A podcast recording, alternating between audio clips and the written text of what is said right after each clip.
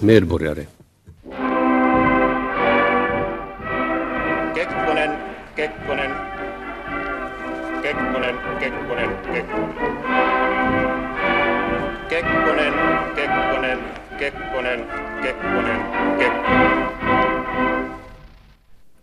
Hjärtligt välkomna till sommarens och historiens första avsnitt av Kekkonen och jag. Här ska vi under åtta avsnitts tid lyssna på berättelser om, om personliga möten med Finlands ja, mesta president, vågar vi kanske säga. Han firar nämligen uh, inte mindre än två jubileer i år, för det har i år gått både 30 år sedan eh, uh, Urho Kaleva Kekkonen dog och 60 år sedan han inledde sin ganska ja, utdragna presidentperiod. Jag som sitter här och pratar heter Viktor Granö och med mig i studion har jag docenten i politisk historia Mikko Majander. Hjärtligt välkommen. Tack så mycket. Mikko, vad skulle du säga, vilket är ditt förhållande till Kekkonen? Jag är, jag är född 1964. Att eh, jag verkligen växte upp under tiden då presidenterna brukade heta Kekkonen. Men eh, för mig själv, jag tror att mer viktigt är att jag började mina studier i universitetet 1985 då det där kalla krigets eh, internationella förhållande liksom höll, höll på att uh, samlas ner. Och naturligtvis Kekkonen har varit den stora figuren i Finlands kalla krigets politi politik. Så att för mig, jag skulle nog säga att Kekkonen är forskningsobjekt. Att I mina minnen han är mera en televisionsfigur. Uh, och inte hade jag någon speciellt kritik eller beundran uh, om honom mm. då han var i makten, vid mak makten. Ja, te televisionsfigur är han väl för, för de flesta som, eller för alla som har levt i Finland sen han, sen han var vid makten. Också för mig, fast jag, jag föddes eh, när han, ja, ett år innan han, innan han dog. Um, men vi, Mikko och jag, vi kommer att, att, att alltså diskutera och ge, ge kontext åt de berättelser som vi, som vi lyssnar på, men för de berättelserna är alltså av personer som, för vilka han är mera än en televisionsfigur, det vill säga människor som har träffat Kekkonen. Och det här första programmet kommer helt och hållet att, att ägnas åt en, en alldeles särskild berättelse, nämligen åt fysioterapeuten Karin Krogell, som, ja, hon har en tämligen många minnen av en, av en ganska långvarig relation till Kekkonen. Och ja, det är väl bäst att hon helt enkelt själv får ordet för att presentera den här relationen. Det underliga hände att jag 1955 blev färdig och blev anställd i den, på det privata mm, företaget. Och eh, president, eh, president Kekkonen 56. kom 56, kom han med i bilden. Jo, jag hade startat där och jobbat där. Och, det där, och så behövde han 56, ganska snart efter att han kom in, in, in mm, med bilden, så hade, behövde han, hade han problem, naturligtvis sportare som han är. Så hade han något problem med någonting. Någon var det axel eller jag kommer inte ihåg så noga vad det var. Men i varje fall så gick han, eh, tog man kontakt med Töle sjukhus och där fanns eh, min kollega Ulla Kronstedt som rekommenderade mig. Nybörjare, nyss, nyss utbildad och så vidare. Men att, eh, men att han ville nog, hon rekommenderade mig och så kom han dit. Och vi skötte honom där. Och det där, några, några, det där, eh, några veckor senare på Svenska Teatern, eh, när jag på Svenska Teatern så kommer läkaren som hade skickat eh, presidenten till mig och, och var mycket nöjd och sa att, att han fick meddelande från presidenten. Där hade han träffat honom, jag vet hur det var. Men att han var mycket nöjd med min behandling. Och på den resan blev jag. det var så enkelt. Att alltid när han hade sina små problem så tog han kontakt med mig naturligtvis. Och, det där, och vi har fortsatt ända till hans sista dagar. Ända till hans sista dagar. Var det några särskilda förberedelser inför den här första sessionen med presidenten? Den första gick väldigt fort det gick fort, eh, det där kommunikationen och, och, kontakten gick väldigt fort för att han, han hade ont i, jag vet inte om det var någonstans i axeln. Så att det, det gick och så. Det väl, alltså, jag kommer inte ihåg, det var väl någon från hans, hans personal som tog kontakt med mig och han kom sen. Kom sen till, till, mitt, till mitt arbetsrum. Att det, där, det var ingenting speciellt. Men sen på längden så blev det nog så att han hade sina vänner, någon, en vän i synnerhet och några andra till, eh, som kom och lät sig behandlas av mig eller någon av mina bästa kumpaner. Och, det där, eh, och sen blev det så där att jag verkligen blev regelbunden i huset så att säga. Att, och jag kom hem till honom också för att, för att göra vad jag nu gjorde sen. Att det där mm, men att det, tog, det tog en tid, det tog, det tog många år förrän jag, jag, blev, för jag blev bjuden till slottet så att säga. Och det, hade alltid, det var alltid en prövotid sådär. Eller hur ska vi säga, en sån här tid som han såg tiden an så att säga. Och till, till slut blev värdig den här, det här värdig, värdig att kallas hovleverantör om vi kan säga så. så alltså Kekkonens hovleverantör när det kommer till fysioterapi, Karin Krogell. Va, vi fick ju genast bilden av, av idrottsmannen Kekkonen. Vad skulle du säga, vad det är, den, här, den här bilden är, skulle säga någonting som blev ganska starkt? Mm, ja, det passar nu mycket väl ihop med Kekkonen som en riktig nationell figur. Om man tänker på hur Finland var byggt genom idrotten, eh, deras eh, självkänsla och också internationella, äh, internationella läget. Äh, att Kekkonen var ju en stor idrottsman från unga år till och hela, hela sitt liv. Och, och äh, det är nästan när man läser hans dagböcker till exempel från 70-talet och han, han, han kontrollerar sitt kondition och vikt mycket noggrant och om man tänker på hur, hur viktigt eh, på 70-talet ännu var Finlands friidrott kom tillbaka och alla Lasse Viren och så vidare. Att, eh, att det, det är en röd eh, Eh, tråden i Kekkonens liv hela, genom, genom hela 1900-talet så att säga. Att på sätt och vis det passar nog bra i hans nationella äh, symbolvärde också. Du sa att han var alltså i, i, idrottsman, vilka var hans liksom, ursprungs, de grenarna han började, började ifrån? No, jag tror att alla unga då tävlade i träkamp så att säga. Men hans bästa eh, grejerna var höjd och sen tresteg.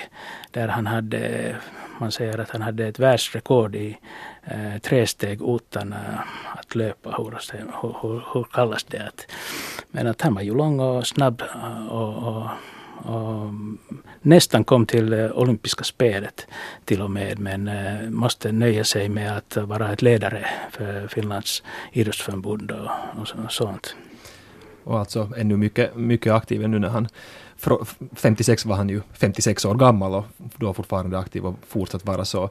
Vi går tillbaka till behandlingsrummet med Karin Krogell. Han älskar lugn och när han behandlades så hade vi ofta klassisk musik som bakgrundsmusik eller, eller eh, ballettmusik eller någonting sånt där. Att vi, det, det, att det, var, det var en, en stil och en rytm i det hela vad vi gjorde. Men att det, det är både massage och det, det är rörelse till musik som vi har liksom som han hade på sitt program och det där och, och alltså gå lugnt och, och sansat till och det där och det var verkligt trevligt. Han var ju så hemskt nöjd. Han fick avslappning. Han, och han som sportman, jag vill säga det, att han var ju så, han var ju så, så, så det där spänd i musklerna också, i de sportande musklerna, högra kasthanden till exempel, kastarmen. och det där, och så den jobbar vi med, men vi jobbar med hela människan som man ska göra i, i vårt yrke. Han rekommenderar sina vänner också, det var ju många av hans vänner som, som det där blev, min, blev mina patienter också, eller våra patienter. Vi var ju många på det där, vårt institut sen. Och det där, men bland, Paavo Nurmi var en som kanske folk vet vem, vem han var. Och, det där, och han firade sin 75-årsdag på vårt institut. Han bjöd på kaffe och, och kaka åt alla som kom på, till behandling. Och det var ganska många den dagen. Och var det alltså på, på uh, på Kekkonens rekommendation som Ja. Paavo Nurmi kom till. Visst, på Kekkonens rekommendation. Jo. Och, det där, och sen alla rekommenderade åt varandra så vi hade inget problem. Men att, men att presidenten just rekommenderade och var så mjuk och liksom var så intresserad av människors hälsa. Han var färdig att rekommendera oss. Nå, om vi tänker på, på Kekkonens eh, fysik så, så det här avspegla avspeglar sig de här mera kritiska politiska perioderna i, i, i hans kropp på något sätt. Om vi tänker till exempel just på etykmöte eller, eller notkrisen och, och sånt här som fanns, sådana kritiska perioder. Jag såg, jag såg verkligen ingen skillnad under hela tiden mellan olika kriser och olika tillstånd i, i samhället. Jag såg ingen skillnad. Endast det att han hade sportat mer och sportat mindre. Så då visste jag att jaha, att nu behöver han hjälp igen, att det beror på den saken. Men att det där, eh, jag fick alltid bud- bud att, att, att nu, nu, nu behövs det. När han just hade haft sina längre perioder av, av, av sport, liksom, varit här och där och klättra, klättra i berg och så vidare. Han var så sportig, så sportig och liksom, han var verkligen. Och, och om vi nu vågar säga det så han högra handen var så stark, den var så stark och stark. Nu är vänstra också men det högra var ännu starkare. att det där, att nu visste man att han, han, han sysslar med sånt här. Ja, Mikko, Majan, där du satt här, så, så inte helt övertygad ut om det här med, med Kekkonens hälsa. No, kanske han var inte alltid i så, så eh, bra skick som man, man just hörde. Att just på 50-talet, jag tror att han hade också hälsoproblem. Och till exempel han, ha- han hamnade i sjukhus med galls, gallsten. Och eh, det blev uh, direkt alla möjliga historier. Att nu han har varit i slagsmål, slagsmål över kvinnorna till exempel. Och det hörde till hans eh, karaktär också.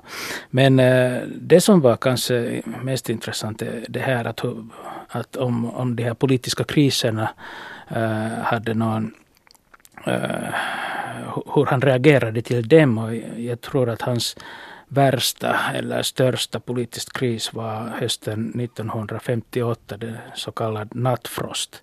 Och då det var helt klart att han mådde också fysiskt illa. Han kunde inte riktigt sova och, och förlorade många kilo från vikten och så vidare. Och, och, där var liksom pol- politiska trygget var ju hemskt att uh, också Sovjetunionen uh, Ställer krav på... på ställde krav och det var liksom frågan om nu när han hade blivit president, att kan han också leverera och kontrollera fin Finlands inrikespolitiska och utrikespolitiska situationen. Och, och då det var liksom psykofysiska reaktioner också ja, och kraven kom kanske från två håll, både från Sovjets sida och från det finska folket. Eller, eller, no, ja, han, han han ju, var inte hela folkets president då. Att han hade, det var varit mycket jämnt att, att, hur valet gick eh, 56 och, och, och, och det var eh, hälften av folket bara väntade till att när ska nästa presidentvalet komma och vi kan komma, komma ifrån Kekkonen. Att, att det var inte den Kekkonen som vi tänker som var suveränt eh, ledare av, av landet. Ja. Sitter alltså här med Mikko Majander och, och diskuterar kring, eh, kring intervju jag har gjort med, med Karin Krogell som var eh, Kekkonens fysioterapeut i, i 30 års tid. Och de hade då alltså en, en långvarig professionell kontakt, Karin Krogell och, och Kekkonen. Men, men det här hindrar inte Kekkonen från att också uppmärksamma henne, uppmärksamma henne i, i helt andra sammanhang än fysioterapins. Att han reste ju, for, for omkring och, det där, och reste till olika länder. Han var i Afrika och han var i, i öster och han var i väster. Och, och det där eh, officiellt, men sen var han inofficiellt också. När han for på sina resor, på sina, sina eh, eh, på jakt och fiske, jakt och fiske heter det ju. Och det där, eh, for på sina jaktresor kunde till exempel komma Ja, det, det kunde kunna komma eh, vildsvinsstek till exempel från slottet. Eh, det kunde komma strömming. Alltså ko- komma, komma, Hans? ko- komma, komma vart alltså? Till mig! Till mig! Han, han sände mig gåvor. Och det där, men inte mig, det vill jag tala om senare, för att jag var nog inte den enda som han tänkte på. Och det där och små, där, där är små grejer där ser du skåpet som han, som han och en del av dem han med från sina, tar med från sina resor och ge, skänkt som små reseminnen åt oss vanliga människor. Och det där eh, jag måste ju ha kontakt med slottet för att kunna steka och fräsa allt det där som... Men det var ju också färdigt, färdigt behandlad fisk som jag fick. Eh, han var mycket enkel, han levde mycket enkelt tyckte jag. Mycket enkelt. Hade enkla, enkla vanor. Och det där, eh, men när jag gick dit så fick jag möjlighet att, att eh, bli bekant med hans personal naturligtvis allihopa. Och, och, och, och det där, och på, han ordnade att jag fick, fick delta i mycket av vad som skedde i det hushållet så att säga. Och det där, då när jag hade de stora, för, stora festerna till exempel så inför Etyk inför Etyk fick jag möjlighet att gå till slottet och se hur man förberedde sig på slottet för den här, för den här ehm, eh, evenemanget. Och det, det var ganska intressant det också för att det var ju alla möjliga arrangemang som man ens visste om. Men att, att jag fick då en liten insikt i hans hushåll. Till exempel hur de bakade kakor och småbröd och saker i köket. Jag var med och tittade. Personalen tog mig dit förstås. Det var ju hans husmor som, som, som eh, var, var, var, var den där som förde mig och, och, och, och visade mig runt och det ena och det andra. Men att inte gjorde, inte gjorde hon det av sig själv. Att hon hade rätt. Hon, han hade givit henne ett uppgift att, att göra så och så. Att det där, allt som skedde var nog, det var nog presidenten som stod bakom det hela. Alltså, alltså få personer är så mångsidiga som, som presidenten var, det vill jag säga. Han hade tid för, han hade tid för alla och han kom ihåg alla. Varenda, liksom mig. Alltså han hade ingen orsak att, att vara så vänlig som han var. Jag var ju bara en, en donare som kom dit för att, för att hjälpa honom med det, vissa saker. Och, det där, och, och, och, jag måste säga att jag uppskattade det väldigt mycket. Och jag tyckte inte om honom så väldigt mycket i början, då, då när han började, för, han, för jag blev bekant med honom. Men sen förändrades det helt och hållet. Då såg jag hans storhet och i synnerhet hur han förhöll sig till alla människor, till de människor som jag också blev bekant med så att säga. Varför tyckte du inte om honom i början då? Hans politik var, jag tyckte jag var så hård. Den var så hård. Men att jag tror att den tiden behövde honom. Han behövdes då den tiden. Han var verkligen en gåva till Finlands folk. Har du någon tanke om vad det hela handlar om från hans sida? Att, att det här uppmärksammande av, av, av de med människorna och medarbetarna? Jag tror nog att det var helt eh, personlig förmåga att se den andra människan. Jag tror att det var så. Och det där, för inte hade han, politiskt hade han ingen nytta av det. Eh, vi alla jobbar på, enligt vårt kunnande och vår förmåga på maximalt bästa sätt. Alltså vi hade, vi hade, hade ingenting att få av oss annat än tjänster och, och, och det där att, uh, naturligtvis uh, for, fordras det att man uppträder som människa och, och förnuftigt och, och artigt och, och, och det ena och det andra. Men, men han har ingenting att vinna på oss annat än att han, han ville ge tillbaka någonting. Det var hans sätt, enda möjlighet att, att verkligen uppmärksamma den lilla människan. Det var verkligen så. Ja, Karin Krogel tecknar ju med tecknar ju liksom starkt upp här eh, porträttet av en, av en, en, en, en god medmänniska där i Kekkonen. Vad, vad tänker du om det här, Niko? Eh, två saker. Ehm, först och främst, ehm, han hade talang att vinna människorna över. Och uh, jag tror att uh, det var naturligt för honom med enkla vanor och vanligt folk därför att hans egen bakgrund var mycket i, i agrarsamhället. Han var inte en aristokrat på, på något sätt. Så att uh, han, han hade ett genuint respekt uh, om vanliga människorna. Och det låter inte falskt att presidenten liksom tar människorna på detta sätt. Men det andra sidan är också att jag, hade, jag tycker att han hade mycket att vinna genom att behandla människorna på detta sätt att, att uh, det är alltid när en kan man säga, regenten äh, möter sina medborgare och tar dem som, eh, som, äh, som äh, riktiga människor och lyssnar på dem. Det betyder att rykten sprider sig från mun till mun att, att, att, han är inte en stor herre och han har respekt i vår republik till andra människor. Att, att, jag tror att det var en del av Kekkonens sätt att vinna folket åt sin sida. Och det är sen en annan sak att hur man sen behandlar det liksom speciellt politiska konkurrenter och så vidare. Att då han kunde vara mycket hårt eh, hur man behandlade dem. Men det är en annan sak att, eh, att syssla med liksom, så att säga vanliga folket. Man säger att Napole Napoleon han kom ihåg alla, alla sina soldiers, soldater. soldaternas namn till exempel. Att om man gjorde det ett par gånger då det, det går den där historien sprider och så vidare. Att Kekkonen kunde den där spelet också. Okay. Så det här var en, en, en, en utspridd bild av Kekkonen också under hans hans, hans presidentperiod. No, att folkets man. Människorna skrev brev till presidenten och han, han svarade dem och, om de önskade att man borde fixa någon liten sak. Och, uh, Kekkonen inte gjorde någon stor nummer, uh, numret om, om det, men det hände. Och det var just den stilen att, att, att göra inte en stor reklam för att jag, jag fixar det här och det här men att låta det sprida där i tystheten i, i, i eh, fjärran delar av Finland och jag tror att det var bättre den det där sättet. Mm.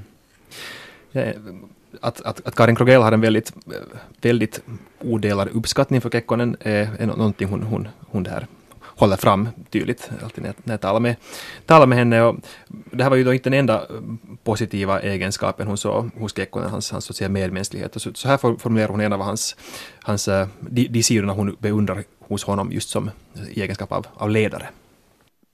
Att ha social förmåga att det där, se det där skillnaden, det är hemskt viktigt. Och inte uppträda på samma sätt mot alla, liksom, på, på ett eh, kanske odifferentierat sätt eller någonting sånt där, förstår du. Att, att, det där, att man ska verkligen kunna vara som en, som en vad kallas det där, som en, vad är det där djur? Kameleont. Kameleont, kameleont. Att man precis kan, kan kommunicera på rätta sätt. Och jag tror att det var hans stora förmåga som inte finns, som inte finns så ofta. Man ser inte så ofta. Talar han om, om annat än uh, sina fysiska uh, besvär med dig? Nåja, vi kunde ju tala om, om musik förstås, det är klart det. Och, och, det där, och konst ibland. Konst och musik och det här.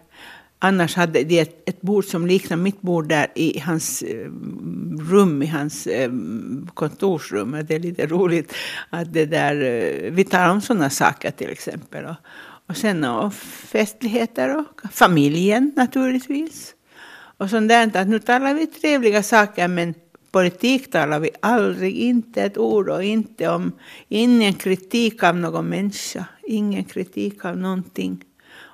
Man kan ju vänta sig att en stor man är en sådan man som han var. Och han verkligen kunde sortera, som jag säger. Ja, förmågan att sortera, vad tror du, Mikko, om, om den här egenskapen hos Kekkonen? Ja, ja, jag tror att det är nödvändigt att om man, om man har en sån ställning i samhället att, att man måste sortera, att man kan inte vara politiker hela 24 timmar per dygn så att säga. Att man behöver tid när man, eh, man, man sysslar med andra saker. Och jag kanske det var därför att Kekkonen var ganska, ganska snabbt också att han kunde anpassa sig i den situationen där eh, och hitta ord och vägar hur man beter sig i just den där situationen. Och sen när man måste vara skarp och riktigt känna att här är någon politisk kärna, han kunde också koncentrera på den där saken. Att, som jag sa det eh, redan tidigare, att, att det här att hur man eh, behandlade andra politiker till exempel. Det är en helt annan sak än att, att möta mm, vanliga människor och så vidare. Eh, en eh, mycket intressant eh, del är det att han, han, hur han um, han hade någon slags, några säger att det kan vara ett hov eller något sånt, men att nära cirkeln av vänner och där han krävde absolut lojalitet. Han ville vara lojal till alla vänner. Men han, han väntade att, att, att, att, han, han får tjänsterna tillbaka så att säga.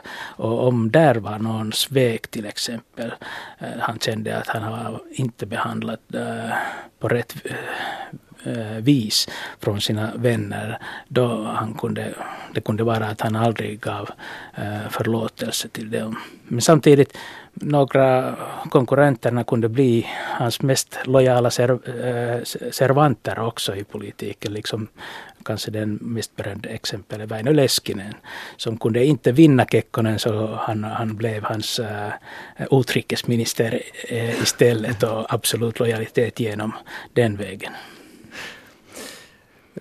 vi börjar långsamt äh, röra oss mot slutet av programmet. Äh, Karin ska ännu få berätta ett skämt, egentligen inte ett skämt som hon ställer sig bakom, men ett, ett, ett stycke Kekkonen-humor det var i, alldeles i början någon gång när jag jobbade med honom. Han var ryggen då det var fråga om. Och det samtidigt gick en vits att, att han, han var på någon resa och behövde massage för sin rygg. Och så tog man kontakt med en, en blind, en, en, en synskadad person. För att han, för att han, ville, han ville inte låta personen, den här människan veta vem det var fråga som han masserade.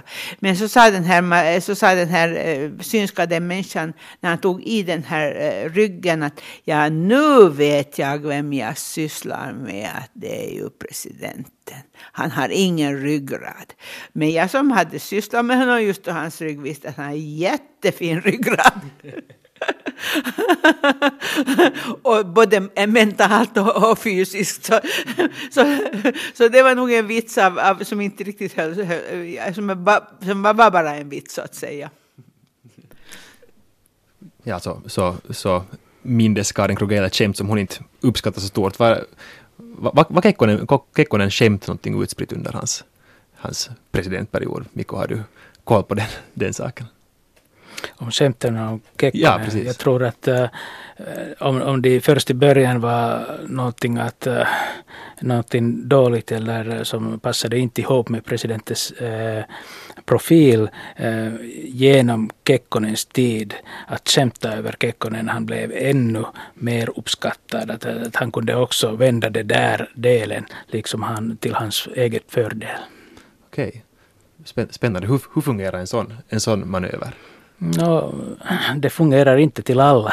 Liksom kanske Ahti Karjalainen försökte den samma, samma sak men eh, var inte så, lyck, lyckade inte så bra med det. Att, att kanske man måste också bete och leda eh, ett sånt liv som, som det gör det skämtet liksom en positiv sak och inte eh, leva upp till den negativa sidan av skämtet.